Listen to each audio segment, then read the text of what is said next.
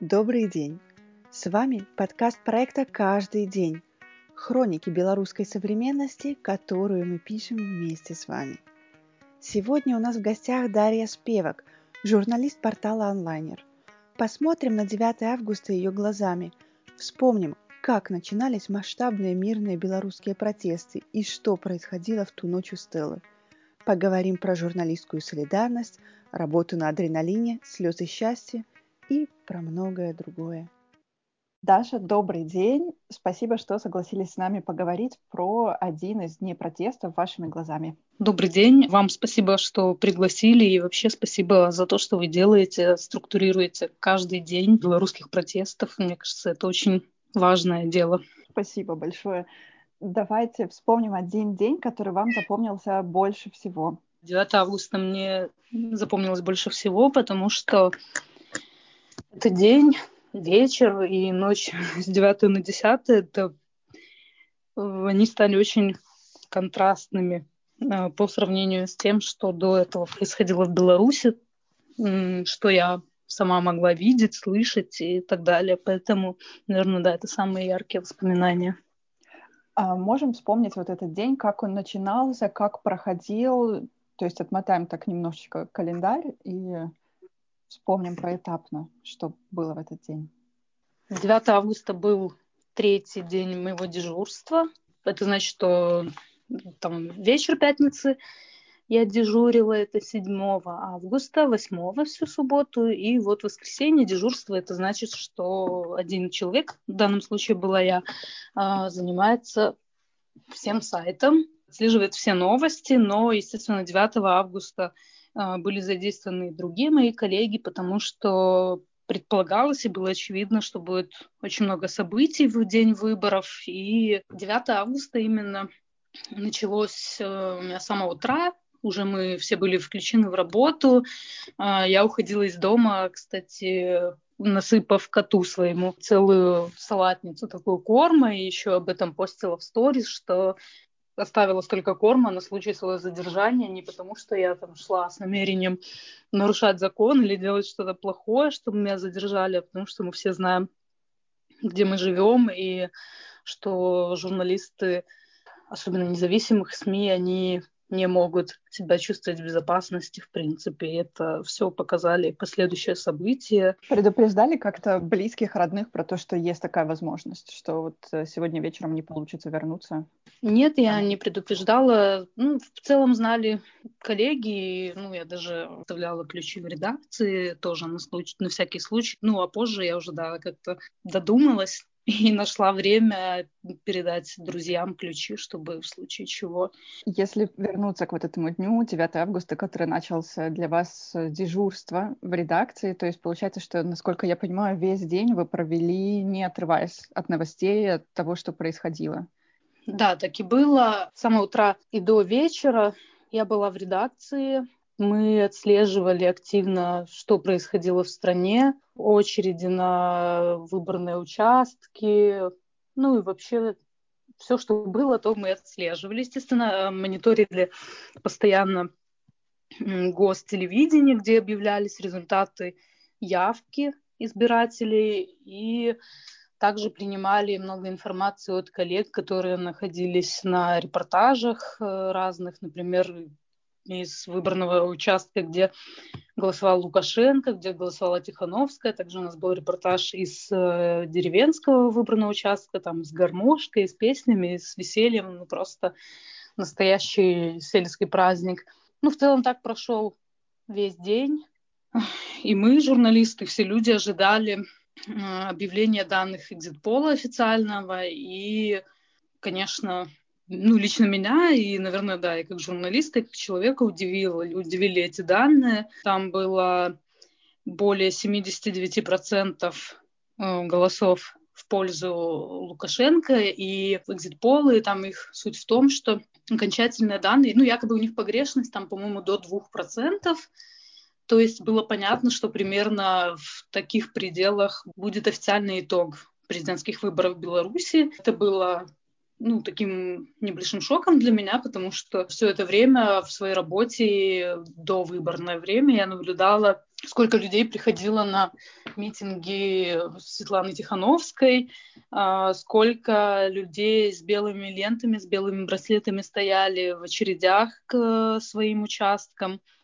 Но эта цифра для меня была шокирующей, скажем так. Естественно, я предположила, что такие цифры, хотя это еще не окончательные данные по выборам Беларуси, они вызовут какую-то реакцию общества. Было очевидно, что оно назревало, и поэтому вечером уже мы выбирались в город со своей коллегой из отдела. Мы выехали, как мне кажется, после восьми, наверное, часов. Я уже точное время не помню, но еще было светло. Была разная информация в телеграм-каналах, где будут собираться люди. А, например, на площади независимости кто-то писал, но основная точка была это проспект Победителей возле Стеллы. Но ну, мы на всякий случай от редакции прошлись пешком до площади независимости, она была оцеплена, милиционеры не пускали туда никого, и там как бы не было людей вообще, там было пусто. И мы пошли дальше по проспекту независимости, потому что появлялись тоже сообщения о том, что люди собираются где-то там, там практически тоже никого не было. И тогда мы отправились на главную точку, объявленную, это Стелла. Тогда не было уже интернета, мы не могли вызвать туда такси, поэтому поехали на автобусе, и была э, интересная ситуация. Мы были в жилетках пресса, они такие синие, и когда заходили автобус, некоторые люди шугались, и даже несколько человек вы, выбежало из автобуса, потому что люди подумали, что мы контролеры. Ну, было очень смешно, потом, да, там смеялся весь автобус, и мы не знали, там будет останавливаться на остановке Музея Великой Отечественной войны этот автобус или нет, но все-таки он остановился, и мы Э, разделились с коллегами, мы видели, что э, люди, уже небольшое количество людей собиралось на проспекте Машерова в сторону Тимирязева. По разным сторонам проспекта были люди, уже были силовики. Там, ну, скажем так, с левой стороны есть э, холм, там уже были разгоны людей, какие-то точные задержания, и моя коллега пошла на ту сторону, я побежала на другую сторону проспекта, там тоже собирались люди, граждане, но в какой-то момент меня набрала коллега, сказала, что кто-то из силовиков взял, ну, подошел к ней, взял ее телефон, сказал все удалить и уходить отсюда, и она пошла на другую точку, к ко Дворцу Республики, к ТЦ галерея, где тоже собирались люди и могли потенциально происходить какие-то события важные. Вот. Э, я осталась там, и мне повезло, что нас, журналистов, особо никто не трогал в тот вечер, в ту ночь. И в целом мы могли беспрепятственно делать свою работу. Ну, я имею в виду, что не было задержаний, какого-то Э, давление на независимую прессу. Интересно, насколько тяжело было разграничить э, восприятие этих событий как журналисту и как человеку, который становится очевидцем этих событий?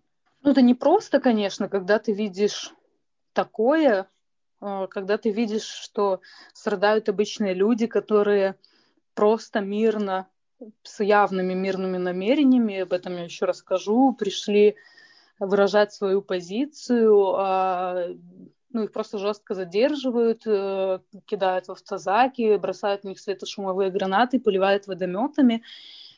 Когда ты видишь людей в крови, ну, как человеку это, естественно, тяжело это все переносить, но в целом как-то со временем ты понимаешь, что ты здесь журналист, Э, твоя работа в том, чтобы фиксировать события, показывать их. И, ну, как бы это немножко, ну, есть такая надстройка, да, когда ты можешь в какие-то моменты выключать свои эмоции и просто делать свою работу. Ну, вы, вот, насколько я понимаю, стали свидетелем таких жестких нескольких эпизодов, и даже пришлось вам вызывать э, самой скорую помощь. Да, это было, но я расскажу немножко сначала, вот э, по мере, наверное, накопления шока какого-то, я не знаю. Сразу, когда я пришла вот на эту вторую сторону проспекта Машерова, а, там собирались небольшие группы людей, ходили просто как-то туда-сюда, и там стояли, дежурили, скажем так, автозаки, возле них были силовики в черном, сотрудники ОМОНа, и была небольшая компания людей, человек, я думаю, 15 примерно, это молодые люди, были девушки, парни, которые на этом тротуаре стали сцепку и ну, потому что уже на них смотрела эта группа силовиков, я так понимаю, это была их защитная реакция, э, взять друг друга под руки, и они скандировали «милиция с народом», э, и, ну, то есть это были какие-то призывы и попытки показать, что люди пришли с мирными намерениями, никакой агрессии в адрес силовиков не было. И оно, что меня удивило, когда силовики разговаривали, ну, то есть это можно назвать разговаривали с людьми, мне просто сложилось впечатление, как будто туда привезли не правоохранителей, а каких-то ну, таких уже конкретных зэков зоны, которые уже ну, отсидели, причем такие уголовники реально, и они разговаривали просто вот, ну, я даже не знаю, как корректно, с чем это можно корректно сравнить, но это был мат, и э, какие-то, ну, такие провокации, но я просто удивилась, думаю, ну, господи, типа, откуда этих людей взяли, и почему они так говорят. То есть с ними никто так не обращался. И вот эта группа людей, которая стала сцепкой, э, пыталась как-то защититься, они стояли, и вот эта группа силовиков тоже стояла, как будто выжидала момента, когда можно их задерживать. И действительно, просто в один момент они сорвались и набросились на эту группу людей, задерживали парней, задерживали жестко, потому что, ну, там там реально было просто какое-то как месиво. Девочек отталкивали, говорили им, типа, уходите отсюда, идите домой, там все такое. Ну, их тогда еще не задерживали, девушек. Почему еще, ну, видно было, что это было такая было жесткое задержание, потому что на земле после вот этого разгона оставались там где-то обувь какая-то людей, граждан мирных. И еще со мной был журналист телеканала Белсат, который э, мне сказал, ну, его пытались задержать тоже, хотя он был в жилетке пресса, все как бы было законно и нормально, но кто-то из главных ОМОНовцев крикнул прессу не трогаем. Это, ну, в какой-то степени было круто тогда, опять же, потому что у нас была возможность нормально выполнять свою работу. Ну, дальше люди, все больше людей стало собираться на этом проспекте. Очень большая ну, цепочки, толпы людей были на этом холме. Они э, были ну, в основном с флагами, кричали, выкрикивали лозунги «Вот живе Беларусь!» и «Мы за мир» очень долго они скандировали. То есть было видно, что у людей нет никаких кровавых революционных намерений, они просто хотят отстоять свою позицию, сделать это мирно и цивилизованно. Ну, в такие моменты у меня берет гордость э, за то, что какие белорусы, и я горжусь тем, что я часть этого народа, часть этой нации, ну, реально очень такой цивилизованной, мирной. Ну, просто это меня восхищало в тот момент, и, наверное, до сих пор такие чувства остаются. Вот. Но противостояние, скажем так, нарастало. Периодически силовики гоняли, скажем так, толпы людей. Они, ну, это больше было похоже на запугивание, то есть как таковых массовых задержаний еще не было. Они просто выбегали целой толпой, и люди от них э, убегали на какое-то расстояние, потом возвращались, и вот так это было, ну, похоже на игру в кошки-мышки изначально, когда людей стало еще больше, приезжали просто колонны тазаков э, и другой техники, и спецтехники, и бусики, ну, то есть, ну, реально было очень много техники, это, ну, я понимала, что ну, будет много задержаний, и что в то место к стеле было, на, на том месте на стеле было сконцентрировано очень много сил. Позже так получилось, что вот часть людей, довольно большая колонна, они выстроились именно по одной части проспекта, потом, по-моему, рассредоточились на обе. То есть, ну, полностью дорога была, скажем так, ну, в людях. И ну, я не видела, где заканчивается эта колонна. И э, также много людей было на этом холме. Те, кто, возможно, ну, не очень смелые, скажем так, потому что силовики тоже были на проезжей части, они выстроились позже, когда уже приехало много-много подкреплений, они выстроились в сцепке тоже по проспекту, позже достали щиты и так далее, и э, толпа людей чтобы она не приближалась, силовики стали в какой-то момент точечно бросать светошумовые гранаты, но на тот момент еще не в саму толпу, а перед ней, ну, в целях запугивания какого-то, чтобы люди ближе не подходили к ним. А, тем не менее, были люди, это ну, не так часто, это не, не массы шли, не толпы, а вот выходит там один человек, он просто, ну, люди становились вот так на колени, перед этой сцепкой силовиков поднимали руки вверх, показывали, что они безоружны, пытались как-то с ними разговаривать, но это не помогало. Другие люди потом их оттягивали, говорили, ну что лучше не надо, потому что ну, действительно это может быть небезопасно.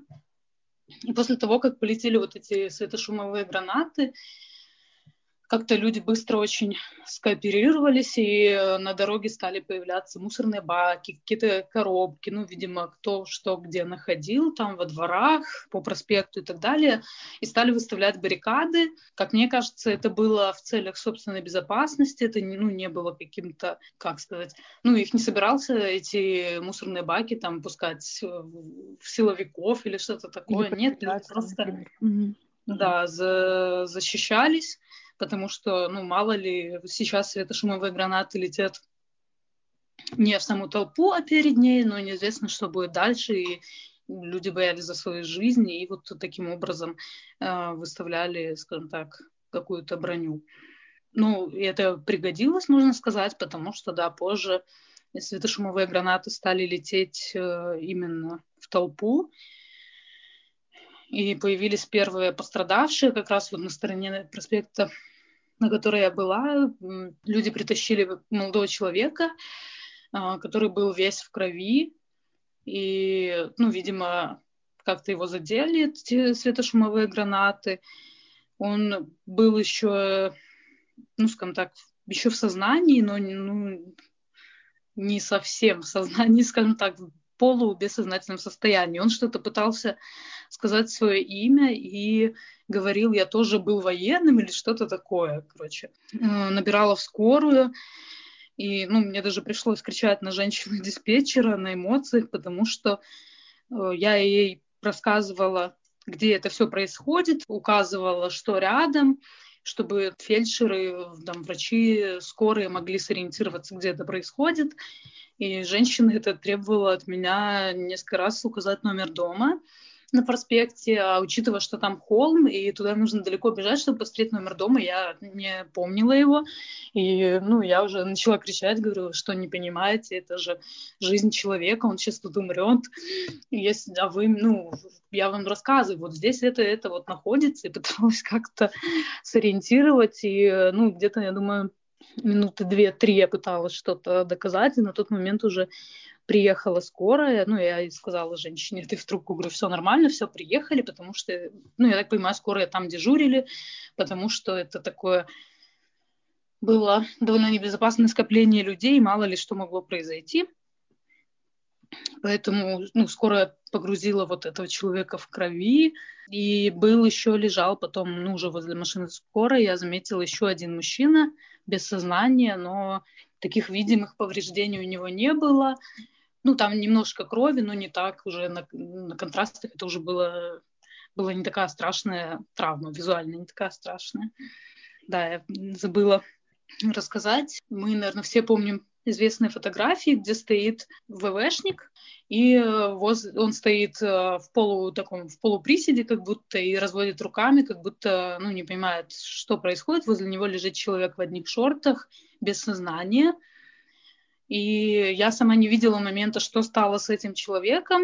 Я уже видела, когда он лежал на разделительной полосе на газоне. Я спрашивала очевидцев, что произошло. Они говорили, что якобы этого молодого человека ударили дубинкой, и он упал головой о бордюр.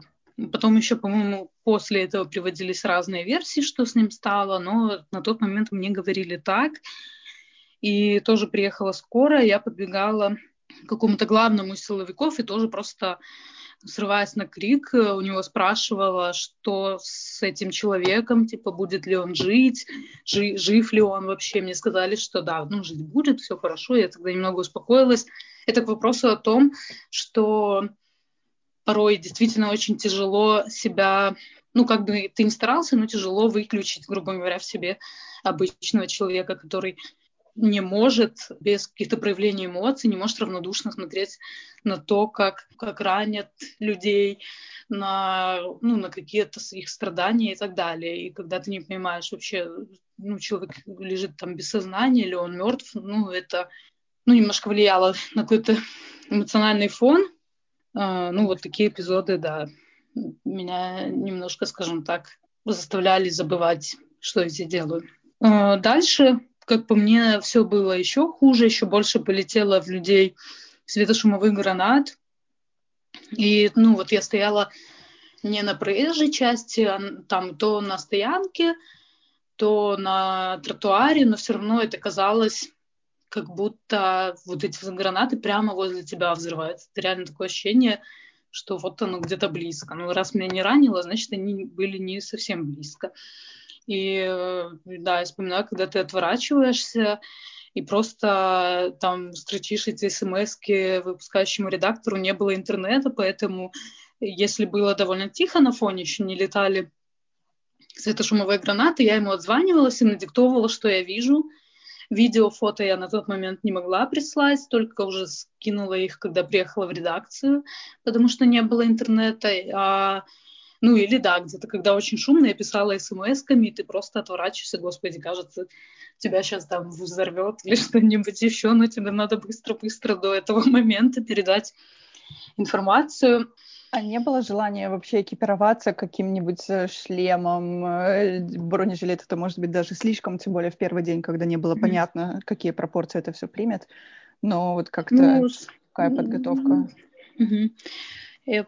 Понимаю, ну, с юридической точки зрения это может сыграть против журналиста, э, если, допустим, я была бы реально там в каком-нибудь бронежилете, шлеме и так далее, меня бы, например, задержали силовики и сказали бы, вот, раз ты экипирована, значит, ты готовилась принять участие в каком-то именно, ну, там, чуть ли не вооруженном конфликте, да, то есть ты уже была готова, экипирована к тому, что тут будет какая-то жесть, ну, тебя могут обвинить э, в чем угодно, даже если у тебя есть обратные доказательства, но как бы провоцировать все равно не хотелось в тот момент.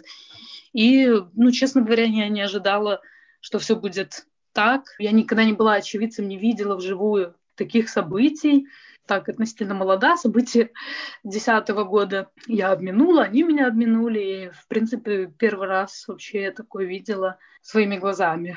Ну, это было похоже реально на какую-то войну в какой-то момент. Чувствовали себя военным корреспондентом? Ну, или супергероем ну, да. каким-нибудь? Ну, что-то, что-то в этом было, но я вообще мечтаю, мечтала раньше в горячие точки какие-то попасть, быть военным журналистом, все такое. Но у меня, ну, я работаю в такие моменты, я, в принципе, работаю часто на адреналине, на какие-то суперспокойные темы писать не скучновато, поэтому, ну, мне было и страшно, и страшно интересно в тот момент, и просто какое-то чувство, ну, я не знаю, не то чтобы гордости, ну, возможно, гордости за то, что я являюсь свидетелем таких исторических событий в своей стране.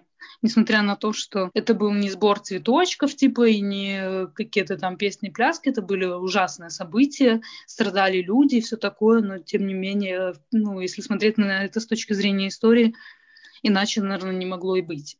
Дальше, да, просто было все там в дыму, летали эти светошумовые гранаты, и просто частично ты не видишь, что там происходит именно в толпе, потому что все задымлено. Ну, ходят люди. Один человек тоже шел в крови, у него было окровавленное лицо. Я спрашивала, что произошло. И, ну, он говорил, что его били дубинками. Потом еще шел молодой человек. Он просто, ну, он шел, вот, ну, у него руками были закрыты уши. Я там пыталась, ну, подбежать, спросить, что его, я так понимаю, оглушило. Ну, он так довольно громко со мной разговаривал, потому что, видимо, ему было плохо слышно. Но он вообще был такой очень потерянный какой-то. И еще один из самых страшных эпизодов, ну, когда стояла толпа, это людей на проезжей части, э, сзади ее ехал автозак, ну, типа белый такой. Ну, он просто, ну, довольно на низкой скорости ехал в толпу. Где-то в начале толпы люди расходились перед ним, вернее, в конце толпы, потому что он ехал сзади, скажем так. А уже ближе к началу люди не расходились, они просто стали возле него. И, ну, возможно, как будто они хотели противостоять и остановить эту огромную тяжеловесную машину. И в какой-то момент, несмотря на то, что люди, как бы, можно сказать, оцепили этот автозак, он, э, ну, водитель прибавил газ и поехал как будто прямо в них. Я просто на тот момент закрыла глаза, потому что мне казалось, что все, он проедет, и там просто будет мясо, там будет куча людей, которые, ну, раздавленных. Это было очень страшно. Слава богу, он проехал, и там не было вот этих горы трупов, которую я себе могла представить. Ну, поэтому я вздохнула с облегчением. Ну, возможно, по-моему, там один человек пострадал, я уже точно не помню. Ну и дальше примерно, да, все развивалось по такому же сценарию, летели светошумовые гранаты, люди кричали, что-то выкрикивали. Ну, это было просто, ну, реально как война. Ну, наверное, уже ближе, может быть, к часу ночи. Я уже точно не помню, сколько было времени. Там уже появились и водометы, и в какие-то моменты люди уже зажигали фонарики, я просто была в каком-то шоке, когда я смотрю, ну, я не видела конца колонны, потому что, ну, уже было темно и много людей, и все. И я была в шоке, когда посмотрела в эту сторону проспекта, в сторону Тимирязевой, там просто было все в этих фонариках с телефонов. Я была еще в большем шоке, когда посмотрела в противоположную сторону проспекта Машерова, где с проспектом победителей, и там была нескончаемая вот эта вот э, картина с фонариками. Я тоже не видела, сколько там людей. Я просто не ожидала, что столько людей выйдет в тот день. Вот и что тоже из каких-то положительных моментов. Э, так как не было связи, очень много людей подходили и, ну, видя жилетку прессы, они просто спрашивали, а что происходит там в регионах, а что еще где-то. К сожалению, я не могла им ответить. А, потому что я сама была без связи. И очень приятно было, что все, кто подходил, они благодарили за работу. Мне кажется, вообще, в принципе, с прошлого года независимая журналистика встала, на какой-то новый уровень. И ну, белорусы, в принципе, очень прокачались в плане медиаграмотности. Они очень четко стали достаточно четко стали различать, ну, скажем так, пропаганду и журналистику. Вот, ну, какие-то моменты они, ну, реально стали разбираться в той информации, которая а, транслироваться. Вот. И после этого, мне кажется, пиковый момент, когда летели эти светошумовые гранаты и пошли водометы, люди уже стали отступать в сторону Тимирязева, вот э, к. Я тоже шла в ту сторону. Очень много автомобилей сигналили. И, ну, это было просто шок. Город ну, не спал от слова совсем. Таким Минск э, среди ночи я никогда в жизни не видела. И потом, да, уже где-то ближе к утру меня э, забрали мои коллеги э, на машине, и да, мы поехали в редакцию, и дальше уже обрабатывали информацию, вот видео, фото, все это. И в итоге я появилась дома где-то к 6 утра. Очень была рада, что я вернулась домой. Меня встретил мой милый кот, я его обняла, поцеловала. Ну, у меня было ощущение, как будто реально такая мать вернулась с войны. С войны. Просто, да. Ну, это был очень счастливый момент, что... Ну, я был, была рада, что я просто вернулась домой, да. А какие вообще были ощущения в тот момент, э, вот когда вернулись домой? Это такое, как гора с плеч, облегчение, вот э, то, что вы вернулись домой? Или э, тоже все эти события, они проносились такой вереницей перед глазами, и вот появлялось такое осознание, что же происходило в тот момент? Я, наверное, еще держалась на каком-то адреналине, когда ты не совсем можешь позволять себе какие-то эмоции перерабатывать ну, скажем так, травматические, да, события действительно для психики. У меня, в принципе, так работает, что в момент какого-то ужаса, каких-то очень плохих событий я такая довольно мобилизована, у меня отходняк уже начинается спустя время, может, даже спустя месяц. Я могу уже тогда меня стукнет, и я уже начинаю это все переваривать и Uh, можно сказать, страдать, какие-то рефлексии проводить, да, все переживать, да. И поэтому, ну, было состояние боеготовности какой-то, что ли, что ну, нельзя расслабляться. И э, у меня, как и у других коллег, после этих протестов ты можешь просто идти под, вот, ну, по, к подъезду своему во дворе, да, и у тебя в ушах просто шумит. У меня где-то в голове вот э, до сих пор кричали эти лозунги были, сигналы машин, вот это все, оно так, ну, настолько застревает в твоей голове в последующие дни протеста, когда вот такие были сильные звуки, много лозунгов, люди кричали, все, и это ну, на какое-то время остается у тебя в голове. Ты ну, не понимаешь, это где-то еще продолжается протест, отзвуки у тебя, или это просто в твоей голове. Это ну, действительно как ну, такой пост-эффект какой-то оказывался был. А сейчас еще продолжается этот эффект или уже как-то снивелировался через полгода с начала протестов?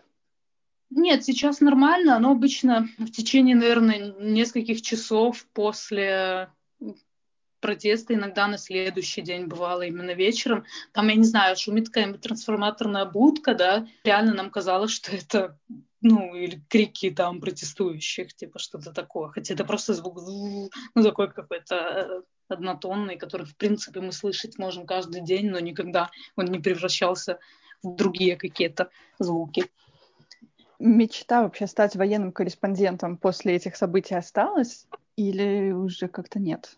Немножко я просто пересмотрела это. Мне бы хотелось, ну, действительно освещать все такие громкие, скажем так, события.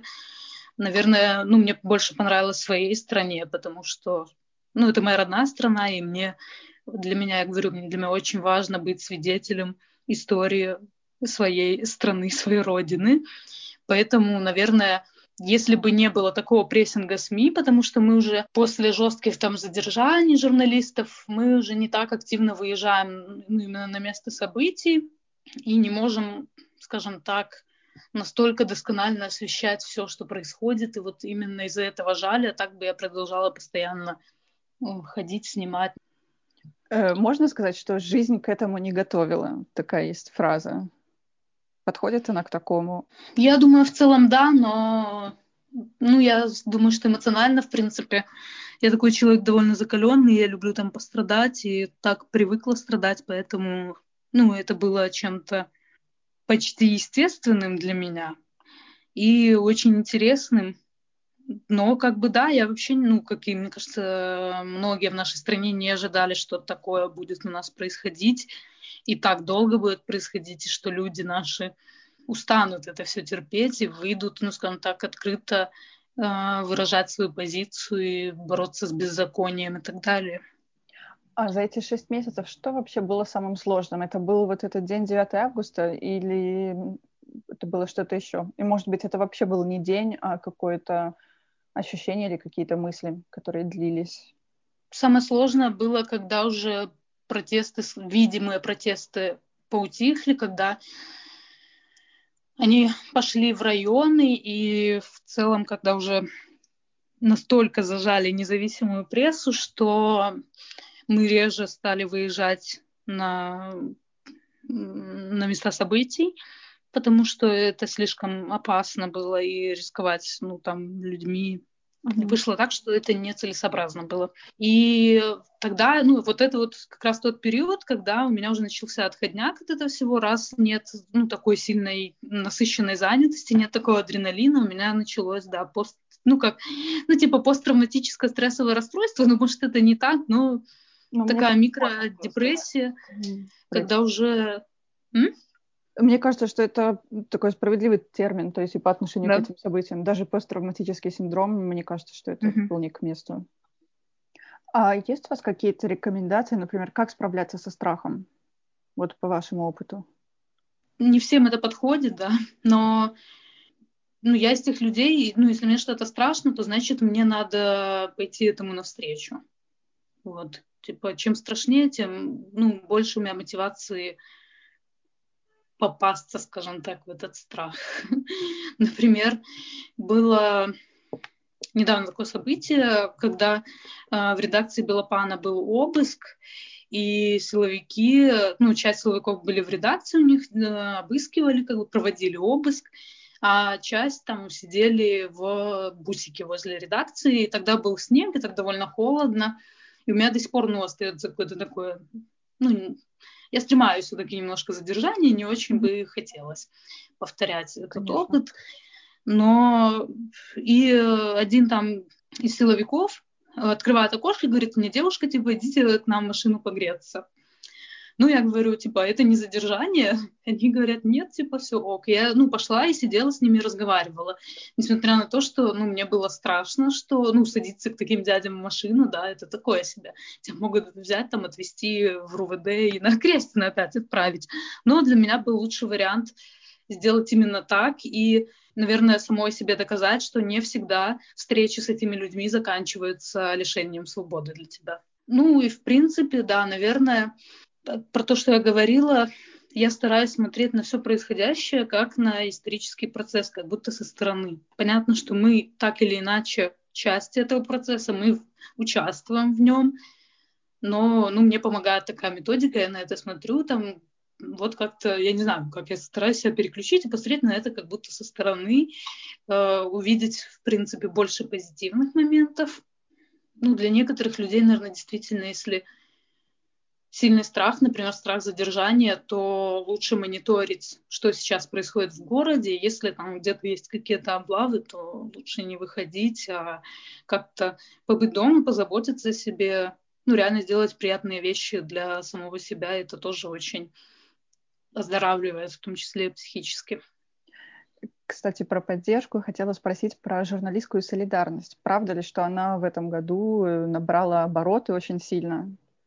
И хотела спросить, как это проявляется? Да, это действительно проявляется, и мне кажется, иначе не должно было быть, потому что мы, скажем так, все в одной лодке, в какие-то относительно здоровые времена, ну, такие спокойные времена – а, есть, да, здоровая конкуренция между изданиями, это нормально, это не значит, что мы там друг друга ненавидим или что-то еще, но есть такой, типа, в хорошем смысле соревновательный дух, и ну, вы не так друг на друга обращаете внимание. Вы в первую очередь обращаете внимание на работу свою, что нужно сделать и так далее. Но когда ты видишь, э, как обращаются с твоими коллегами, что ну, реально это репрессии, и что их сажают на сутки, а, блокируют там сайты, а, заводят уголовные дела. Ну, это страшно, и просто ты же видишь, что это не несправедливо. Э, ты видишь этих людей, которые работают, как и ты, не нарушают и не стремятся нарушать законы, но когда ты видишь, что, ну, практически с таким же, как ты, с человеком, который делает такую же там работу, все такое, происходит, ну, вот такой беспредел, то ты понимаешь, что да, ну, сегодня там пришли за ним, завтра придут за тобой. Это, ну, можно сказать, это касается каждого. А какие проявления были вот этой журналистской солидарности? Что изменилось в отношениях с коллегами там, из других изданий, например? Или это как-то во время митинга в вашей совместной работе как-то проявлялось? Вот, например, когда задержали, я уже не помню, кого из фотографов, два фотографа задержали, а, и, например, да. на сайтах СМИ были, здесь должно было быть фото, например, но его нет, потому что вот коллеги, которые это делают, они за решеткой и да. так далее. То есть, ну, был ряд, в принципе, таких акций, были коллективные обращения, еще, кстати, в августе были обращения и госсми, и не госсми, а, в Мининформ и в силовые какие-то структуры о том, чтобы они не препятствовали законной профессиональной деятельности журналистов. И там подписывались, например, журналисты Белта, Советской Белоруссии, там еще какие-то, ну, то есть там нормальный такой был список, причем из госсми очень было много людей, но потом как-то это все замялось, спряталось, и дальше продолжаются репрессии. Э, работа журналиста — это хлопотное дельце? Ничего какое. И в любые времена, в мирные, не в мирные. Например, во время ковида многие люди э, разных профессий, они практически могли отдохнуть. Они там сидели дома, куда часть работы сделали, все такое. У журналистов не бывает ситуаций, когда мы отдыхаем. Всегда что-то происходит, и мы должны работать, несмотря ни на что ну, пропускаешь через себя огромные потоки информации, а, огромные потоки эмоций, в том числе там какого-то недовольства тобой. То есть, ну, как правило, журналист — это такая вообще мишень для всех. Э, ну, если что-то там вышло не так у человека, будто герои публикации или какие-то структуры, или что, виноват всегда ты, и поэтому, ну, это, ну, ты постоянно должен прям супер следить за собой, за тем, что ты делаешь, чтобы, ну, как бы чего не вышло, чтобы ты не допустил какой-то опечатки, которая потом может тебе аукнуться. Постоянные какие-то риски. В журналистику, наверное, идут люди, которые к этому готовы. А что, по-вашему, главное знать журналисту, который освещает протесты? Самое такое вот ключевое из вашего опыта. Я бы, наверное, сказала во, всем сомневаться, тысячу раз сомневаться, потому что иногда э, какие-то вещи, которые даже ты видишь, э, ты, ну, они могут означать совсем другое. Например, была ситуация еще до выборов в Киевском сквере, когда собирались сторонники Светланы Тихановской, и э, эту площадку оградили какими-то там лентами. Милиционеры оградили, чтобы люди не выходили за эти пределы, и был централизованный вход, где смотрели, ну, досматривали вещи, чтобы ну, все было якобы в целях безопасности, все такое. И, например, я увидела момент, когда недалеко вот от этих лент, там уже в толпе милиционер пытается задержать, ну, за руку парня, задержать в плане физическом, не юридическом. И люди, я это снимала, и люди говорят там, отпусти его, за что, и все такое. А, ну, некоторые, возможно, люди подумали бы, что просто вот там милиционер ну, пытается посягнуть там на свободу этого человека и все такое. Я поняла про, по траектории движения, что, скорее всего, этот молодой человек просто в неположенном месте зашел вот через это ограждение. То есть он не проверился на наличие там опасных каких-то вещей с собой и все такое. Был такой режим пропускной. Как бы, ну, как бы ты не хотел, то раз он установлен, то нужно его соблюдать.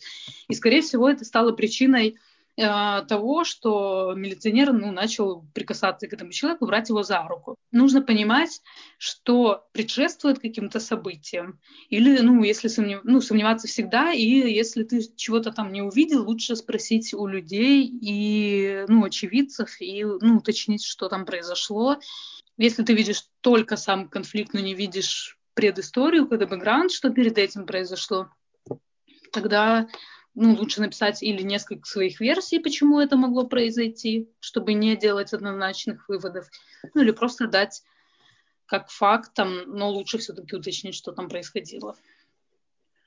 А что главное знать читателям, которые читают и смотрят репортаж с протестов?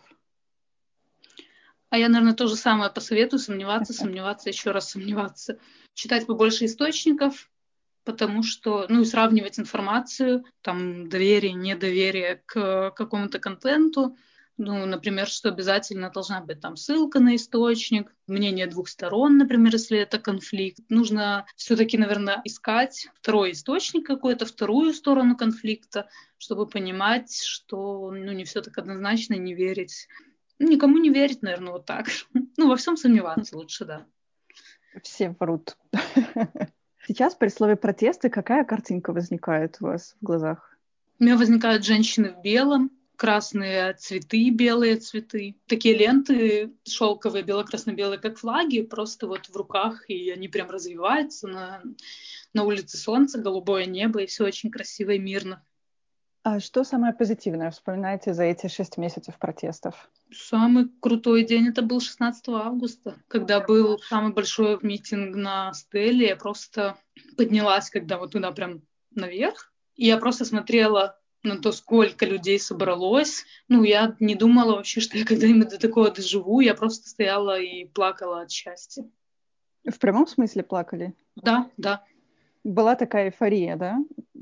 Да, это было просто что-то ну, нереальное. Я, правда, я не думала, что люди ну, смогут заявить открыто о своем каком-то недовольстве. Ну, вообще это было 16 августа, это было как праздник. Белорусы приходили с детьми, это было все так, все друг другу помогали, воду привозили, было очень жарко. Ну, еду какую-то, мороженое, что-то. И опять же, снова мы возвращаемся к тому, к особенности белорусского протеста, когда люди снимали обувь, становились там на ну, как, типа, как поручень, ну, короче, верхушка подземного перехода, я не знаю, как это называется. И вот там люди стояли, да, без обуви, в носках.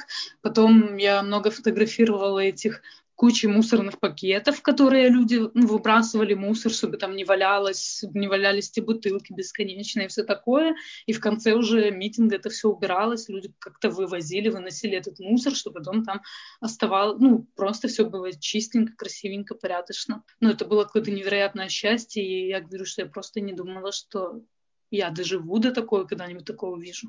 А что-то изменилось вообще в жизни после 9 августа?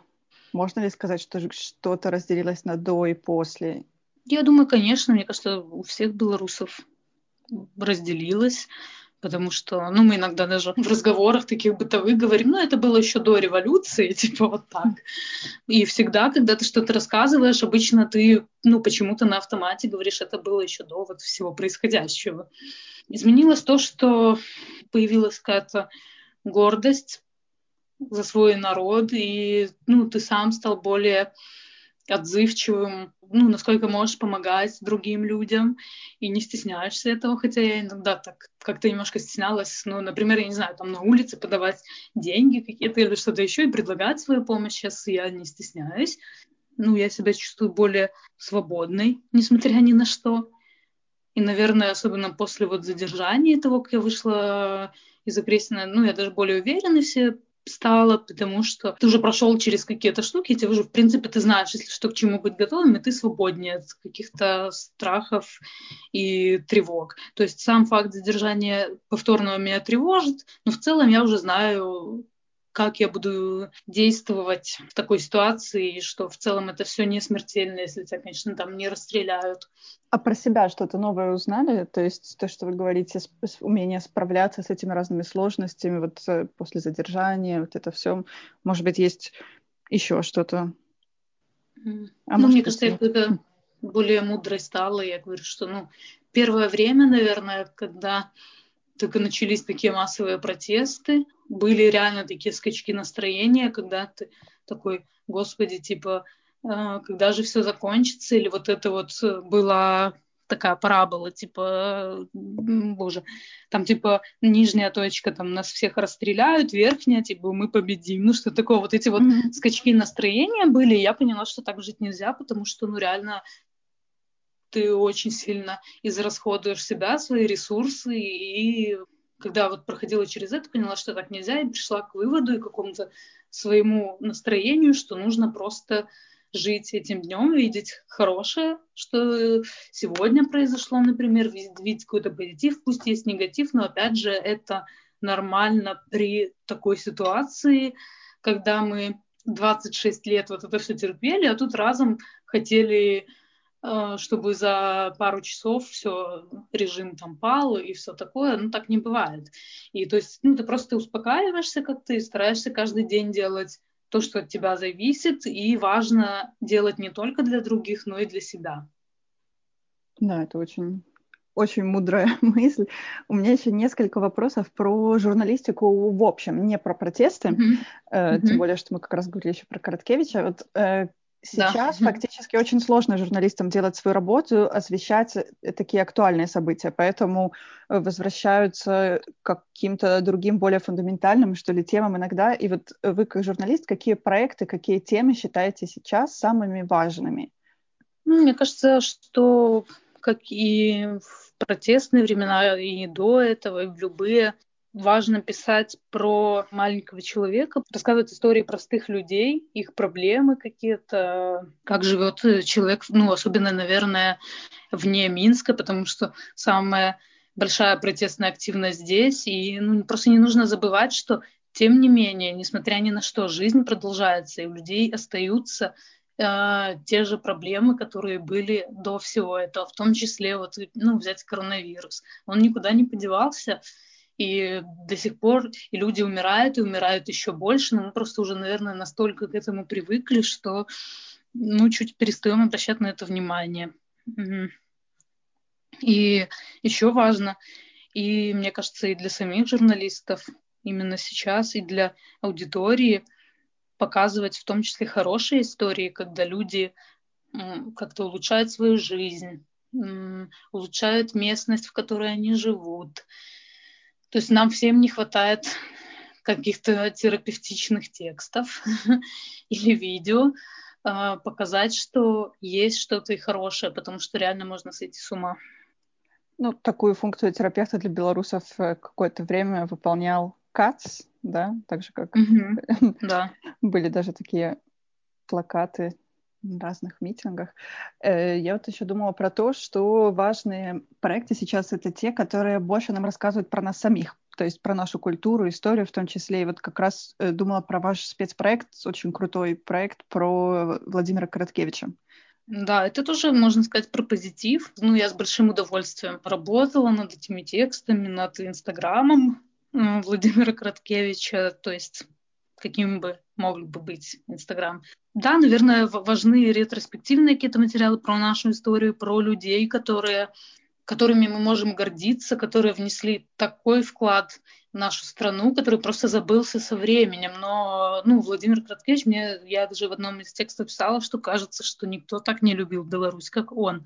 И вообще для меня, ну, это какой-то белорусский апостол, когда ты, ну, читаешь, например, те же «Колосы», там есть все я бы просто советовала, наверное, всем читать Короткевича, ну, как минимум «Колосы под серпом твоим», потому что это очень и вдохновляет, и какой-то силы придает, потому что э, ты понимаешь, что какие-то события в разных проявлениях, но они повторяются, но тем не менее э, какие-то настроения у людей остаются теми же, потому что мы реально полноценный народ со своей историей, со своей землей, со своей культурой. Ну, вот такие люди, как Короткевич, они очень хорошо это показывают, очень, удачно, очень хорошо прорабатывают наш весь ну, исторический опыт и культурный. И там очень много интересных мыслей, э, которые актуальны и сейчас. Можно назвать Короткевича супергероем Беларуси? Конечно, белорусским гением. А какие три, например, или пять, вот сколько-то любимых э, ваших произведений Короткевича? Колосы можно уже засчитать? Да, колосы в первую, наверное, даже очередь. Ну, «Ладья Роспачи», «Христос приземлился в Городни». Ну, еще из поэзии «Где мой край» меня прям вплющивает. Э, как текст или как песня?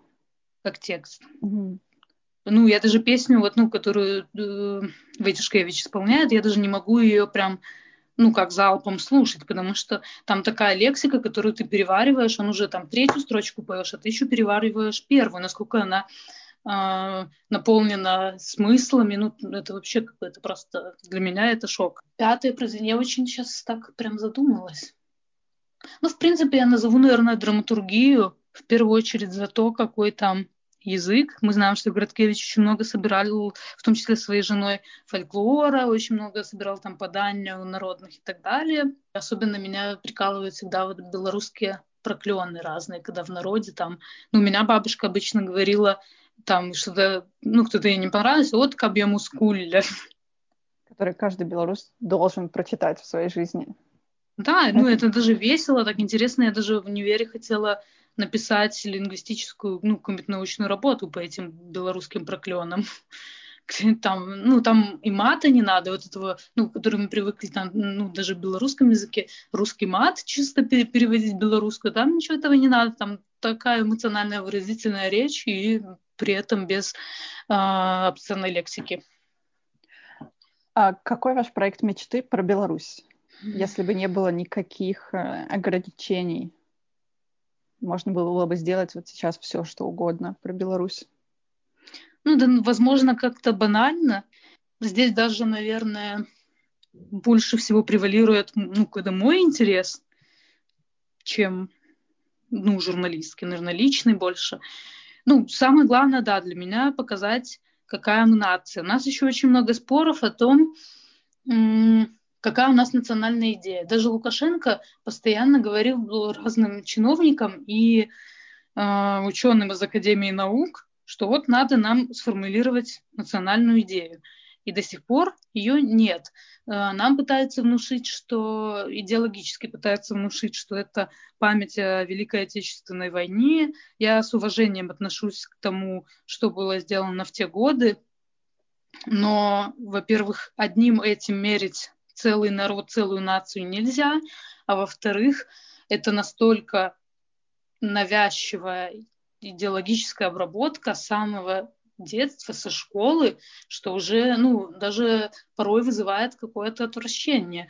И поэтому мне бы хотелось сделать что-то, портрет э, белоруса, наверное, да, из кучи-кучи, там, сотен и тысяч маленьких портретиков белорусов. Ну, вот я сейчас представляю это как фото, как коллаж, но именно мне хотелось бы в каком-то смысловом, в текстовом и видео оформлении сделать попытаться с разными слоями населения, с людьми разных